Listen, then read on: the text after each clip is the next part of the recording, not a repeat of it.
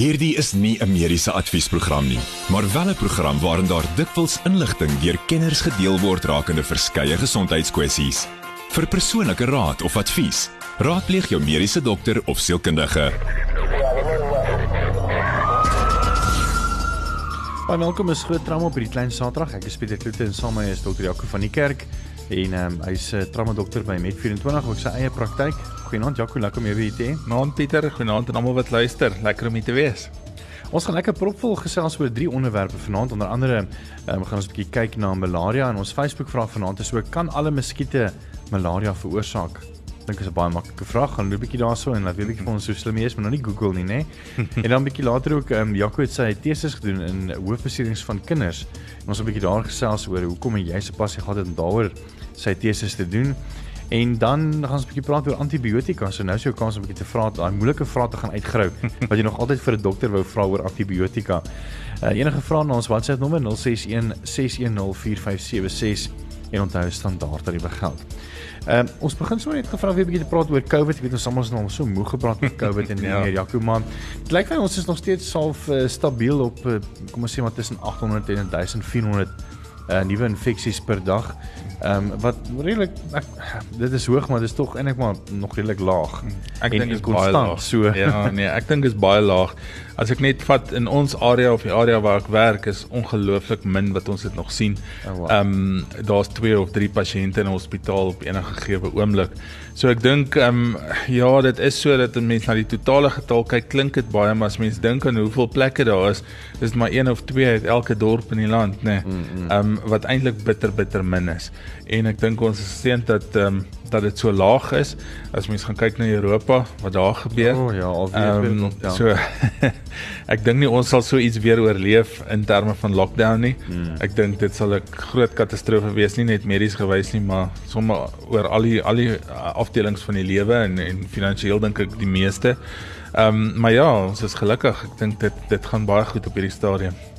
Uh, dink jy dat ons as hier in Suid-Afrika van Afrika miskien dalk ehm um, al klim dit 'n bietjie hoër het of of dink jy ons is maar net weet ons immuunstelsel is nou ingeskop en uh of of noem ons die term herd immunity ek weet nie ja Pieter ek dink daar's daar's ek dink daar's 'n kombinasie van van beide ek dink ons het 'n groot blootstelling daaraan gehad ek dink 'n groot klomp van van mense wat wel met COVID besmet was, is nooit eers getoets nie. Ek meen die getalle wat ons kry is eintlik net die mense wat getoets word. Hmm. Ehm um, en ja, die staat het 'n groot groot impak gemaak, maar ek wil amper sê die helfte van daai statistiek kom uit die private sektor uit en selfs bietjie meer as die helfte.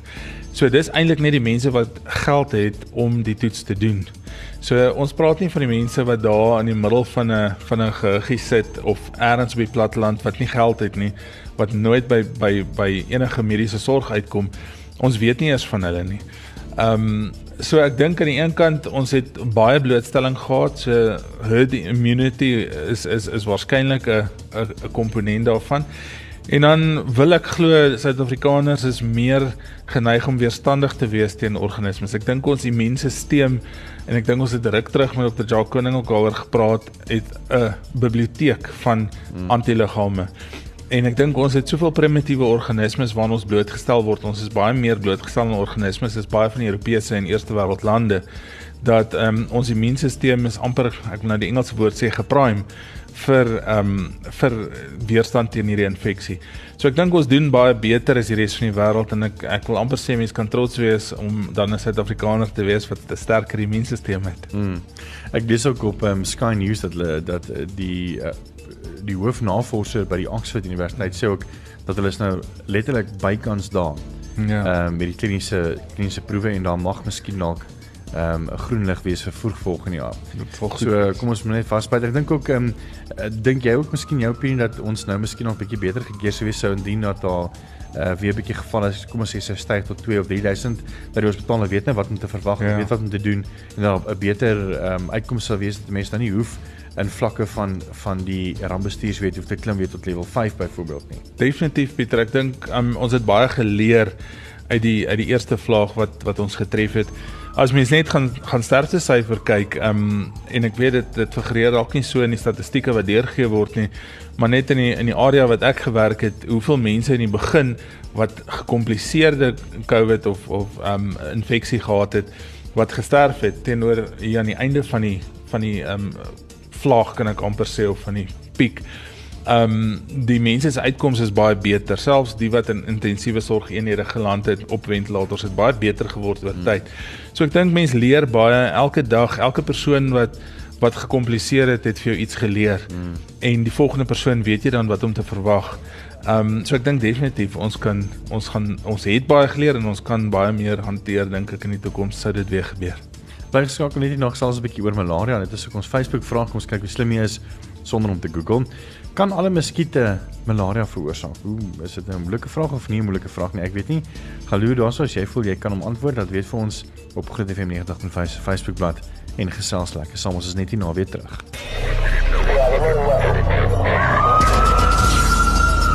Welkom terug. Ek is Pieter Kloete saam met Dr. Jaco van Niekerk en ons gesels 'n bietjie oor onder andere malaria. Dit is ook ons Facebook vraag vanaand. Ons wil by jou weet, kan alle muskiete malaria veroorsaak? Nou weet ek vir ons op Groot FM 90.5 se Facebook bladsy, daai vraag is daarso. Uh en as jy enige vrae het, ek sien Marie het ook sommer al klaar vir ons 'n vraag gevra oor muskiete. Ehm um, en nogal baie relevant en ons gaan 'n bietjie later daarby uitkom Marie, so bly geskakel. So 'n bietjie later in die program gaan ons 'n bietjie gesels oor muskiete en die meer. Maar eers bietjie oor antibiotika. Wêreld Antibiotika Dag uh, word gevier vanaf die 16de tot die 22ste November. Uh, Jaco, antibiotika het nog 'n rol te speel in gesondheid in Suid-Afrika. Pieter, ek dink sonder antibiotika gaan 'n groot persentasie van ons bevolking in die wêreld uitgewis wees. Sjoe. Ehm um, ek dink die belangrike ding is verantwoordelike gebruik van antibiotika. Toepaslike gebruik en daar's 'n groot verskil tussen verantwoordelik en toepaslik um in die sin van verantwoordelik van die dokter se kant af, toepaslik ook van die dokter se kant af, maar ook verantwoordelik van die pasiënt se kant af.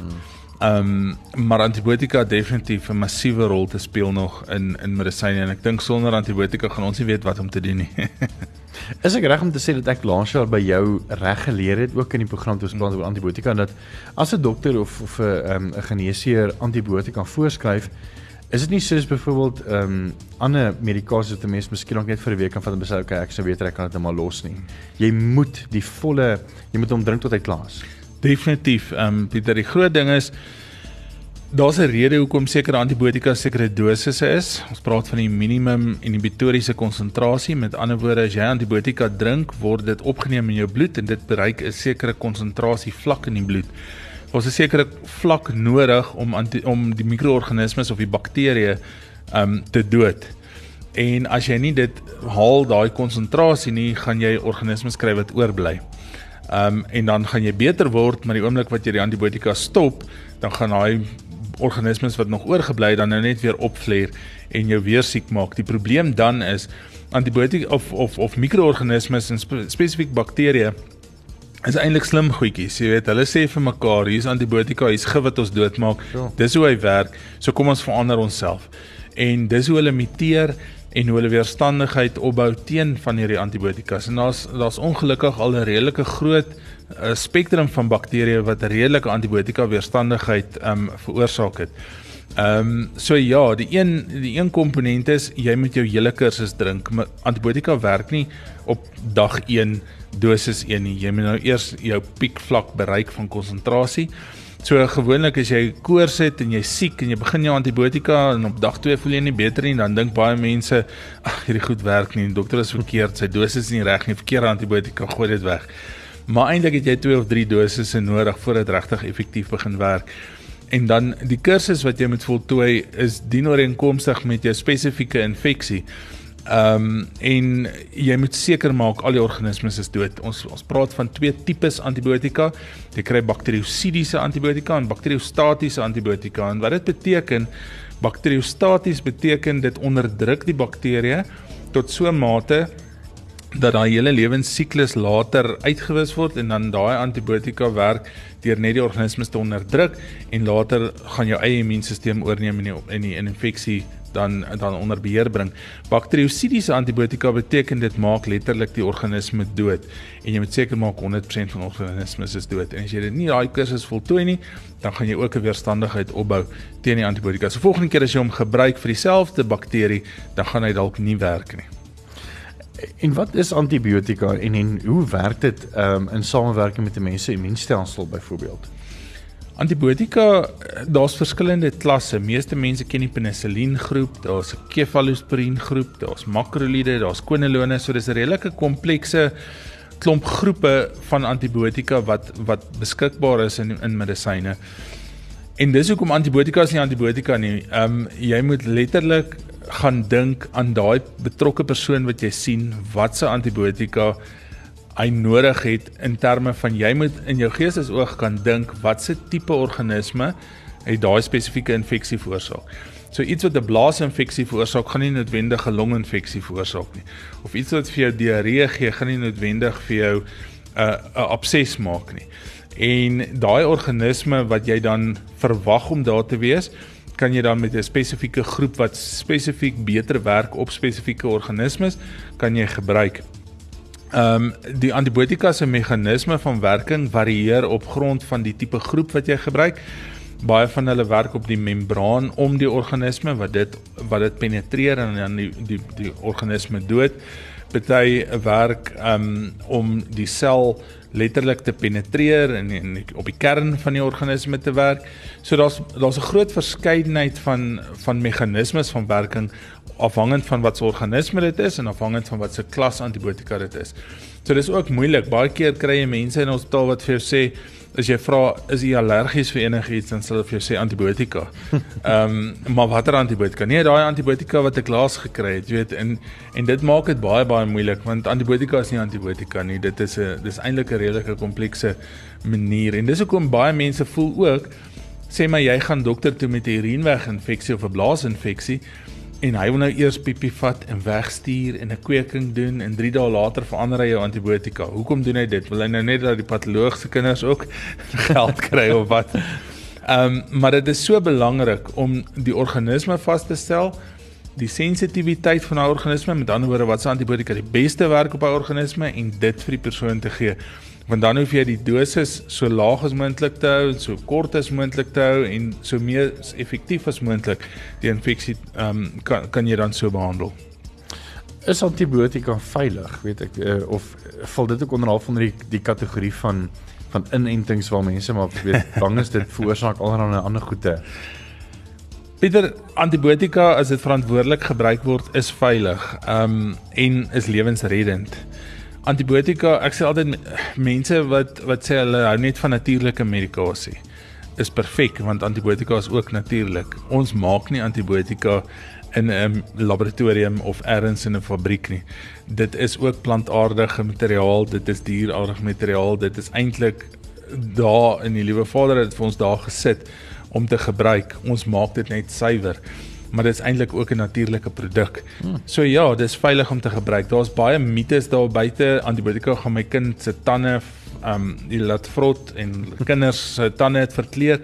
En inderdaad, daar was jare terug, ek dink aan aan spesifiek chloramphenicol en daai klas van van goed wat ek dink nie eens meer gebruik word vandag nie, vir die kinders sulke grys tande gegee het. Um dit is inderdaad ook so dat sommige van die van die organisme, ag sommige van die antibiotika as jy dit te vinnig gee, Ehm um, deur 'n drip kan kan 'n mens doofheid kry, jy kan suising in die ore kry wat dan permanent is. Jy kan nierfunksie inkorting kry en dis hoekom ek sê verantwoordelike versigtige gebruik van antibiotika, maar dan is dit definitief uh, veilig. So dis dit oor antibiotika. Ehm um, ons of nasionaal vir die gesondheidsdepartement ook wêreld antibiotika bewusmakingsmaand so van die 16de tot die 22ste. Blink skakel, ons gesels 'n bietjie later oor malaria en ons Facebook vraag is, kom ons kyk hoe slim jy is sonder om te Google. Kan alle muskiete malaria veroorsaak? Ons wil dit oor op ons Facebook bladsy Groot FM 90.5 en ons gaan 'n bietjie later daaroor gesels. Net nie nou 'n bietjie meer oor Jaco se teses wat hy gedoen het oor ehm um, kinderhoofbeserings. Dit gaan nogal baie interessant wees so by ingeskakel daarvoor net hierna.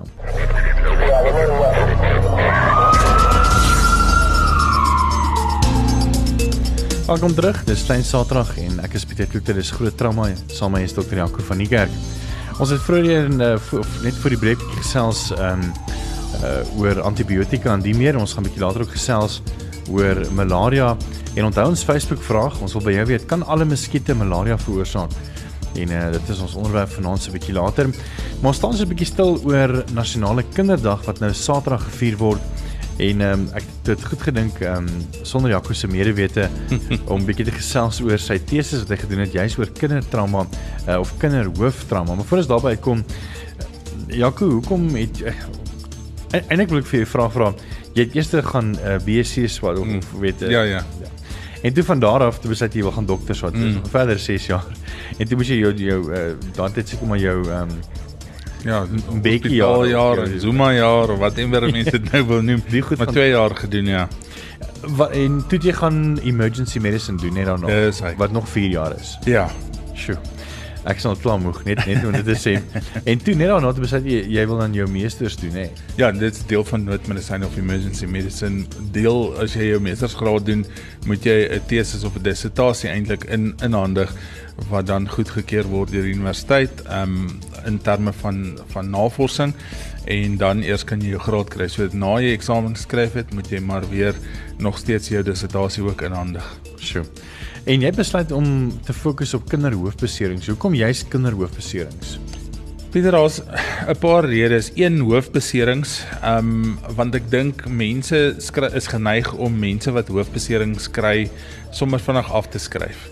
Mense sal sê sy kop het hard gestamp en hy gaan nooit weer dieselfde wees nie. Ehm um, en ek dink ek is een van die voorbeelde daar dat aan die einde van my tweede jaar was ek in 'n redelike ernstige kar ongeluk en het redelik lank in 'n intensiewe sorgeenheid spandeer waar ek ook weer moes leer loop en sit en doen na die tyd. En ehm um, waarvan die neurochirurg ook vir my maalig gesê het, hulle weet daarom nou nie of ek uh, weer universiteit toe sal gaan nie. En uh, ja, ek het ek het besluit uh, daar in daai in daai bed want jy kan alles hoor en jy kan alles verstaan, maar jy kan nie noodwendig vir die mense sê jy hoor en verstaan hulle nie.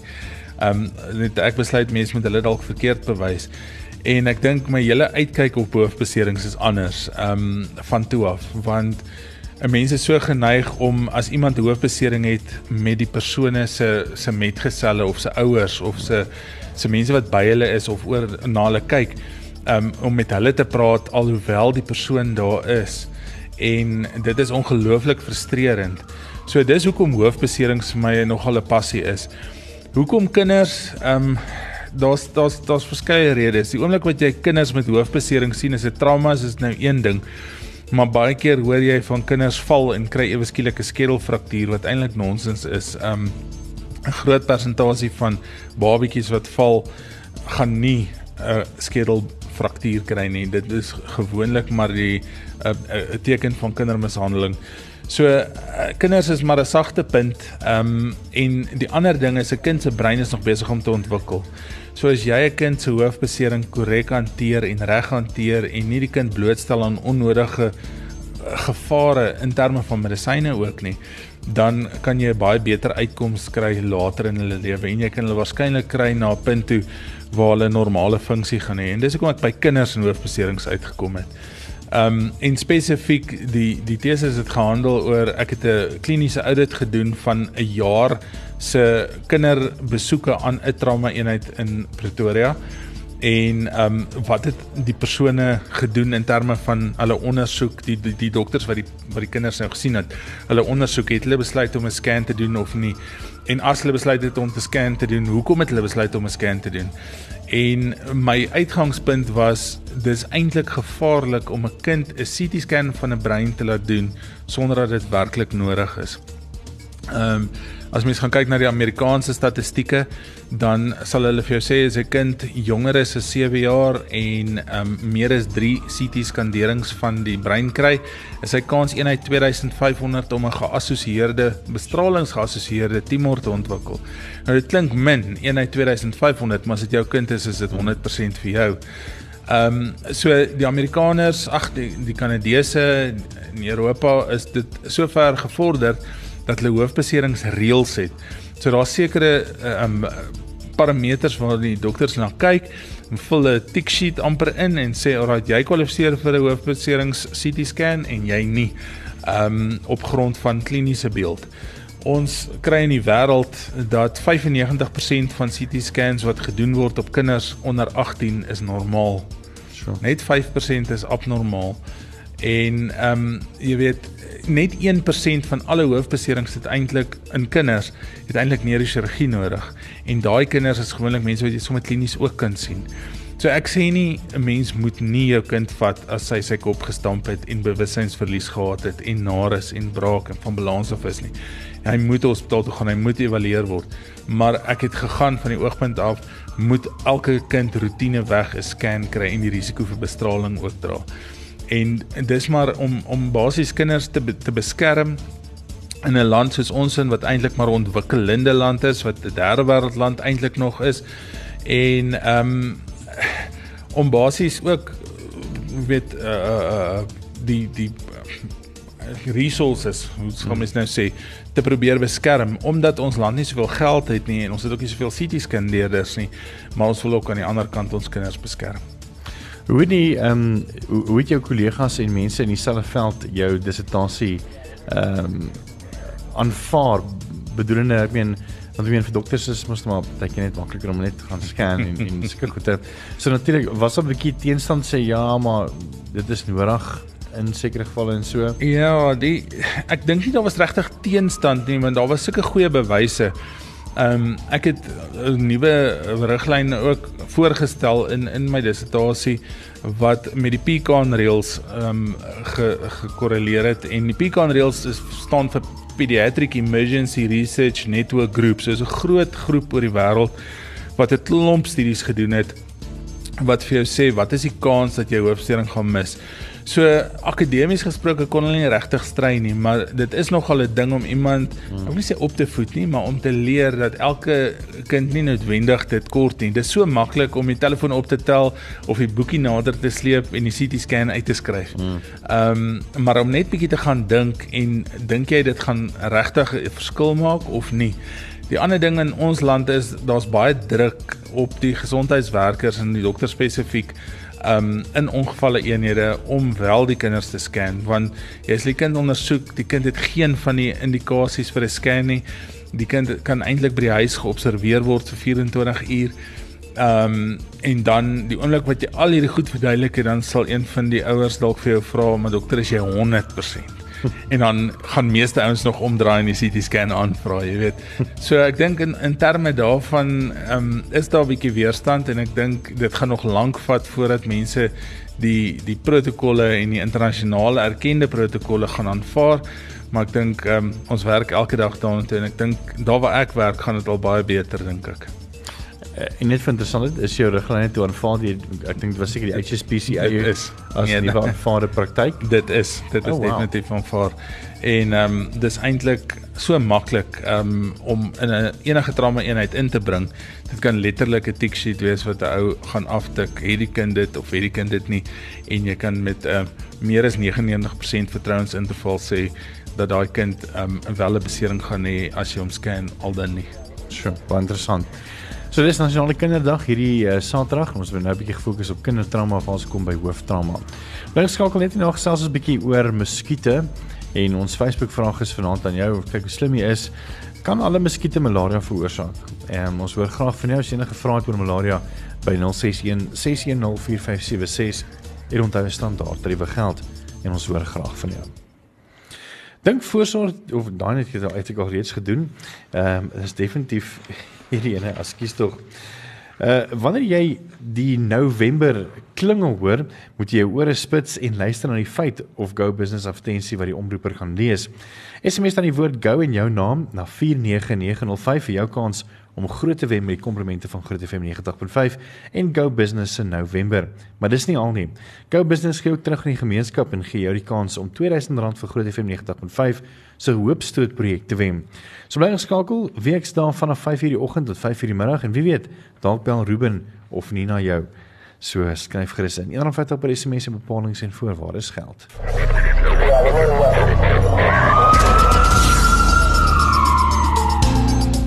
Kan alle muskiete malaria veroorsaak? Dis wat ek vir jou gevra het, ons 'n bietjie weer hoor. Is dit nou net mannetjies of die wyfies of is dit almal wat kan malaria veroorsaak of jy nou mannetjie of wyfie is? Dis waar ons nou gaan gesels. Iets interessant oor malaria, is malaria nog so kenmerkend ehm um, met gevalle in Suid-Afrika? Ja, Pieter, ek dink ehm um, as mens gaan kyk na die malaria areas of die tipiese malaria areas in in Suid-Afrika, is dit eintlik maar so die noordelike en noordoostelike gedeelte van Limpopo um, Mpumalanga se oostelike gedeelte en dan die noordelike gedeelte van Natal wat klassiek die die die malaria area is. Maar mense vergeet baie keer van die reisigersmalaria, van mense wat letterlik in daai areas was waar die muskiete dan in die bagasie inkom en dan selfs in Pretoria kan kan uitkom en ja. en malaria veroorsaak. So ons sien nog baie malaria, ons sien selfs malaria in Pretoria. Ehm um, ek weet daar was ek weet nie of dit verlede jaar of voor verlede jaar was nie wat daai twee persone in in in Montana ehm um, oorlede is ehm um, van malaria wat cerebrale malaria gekry het en uh, wat 'n baie slegte vorm daarvan is. Ehm um, so ja, mense moet eintlik altyd versigtig wees en as mens simptome het, dan moet 'n mens maar toets daarvoor. Hmm. Baie interessant, ons het 'n bietjie vroeër ehm um, net so van lig af gesels ehm um, jy's oor dat ek nou ook 'n bietjie meer wou weet oor kan ander muskiete malaria veroorsaak. Uh, die verskil tussen die mannetjie en die wyfie wanneer dit kom by voeding, eerstens hmm en dan ook uh die dra van malaria Jaco. Ja, ehm um, mense sal lees dat net die wyfies malaria oordra. Nou as mens gaan kyk na die normale ehm um, eetpatroon van muskiete en dis nou mannetjies en wyfies, dink almal hulle almal suig bloed, wat nie eintlik die waarheid is nie. So beide mannetjies en wyfie muskiete ehm um, sal eintlik nektar, plantsap ehm um, en dan en dan dou en daai klas van dinge gebruik vir hulle voedingsstowwe en hidrasie doeleindes en net die vroutjie het nodig om bloed te suig. En die rede hoekom die wyfie die bloed suig is omdat sy die proteïene in die bloedplasma nodig het omdat sy eiers gaan lê en om eiers te kan lê moet jy proteïene hê om in die eier te hê.